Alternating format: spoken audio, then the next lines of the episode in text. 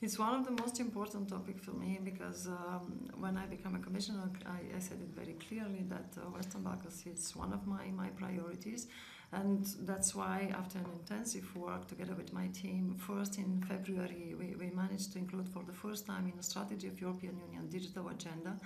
uh, and we received a very, very high political support during the summit in Bulgaria, in Sofia, because the, the, statement of support was signed by all prime ministers and presidents of those six countries. And now, in two weeks, during the Digital Assembly in Sofia, uh, we launch officially uh, our digital, digital agenda program for Western Balkans. That includes different actions on digital competencies, on cybersecurity, on startups or, uh, or women. And in this context, when we talk about digital competencies, it's really important to promote more actions and more, more practices on, on media literacy for our not only young people but for only only our users, uh, the all, all consumers of the region. That's why it will be really important now to include some actions to tackle this issue of disinformation online, to, to give to our to our people some instruments to make their informed choice. We would not like to impose any point of view, but we would like to, to, to give them some instruments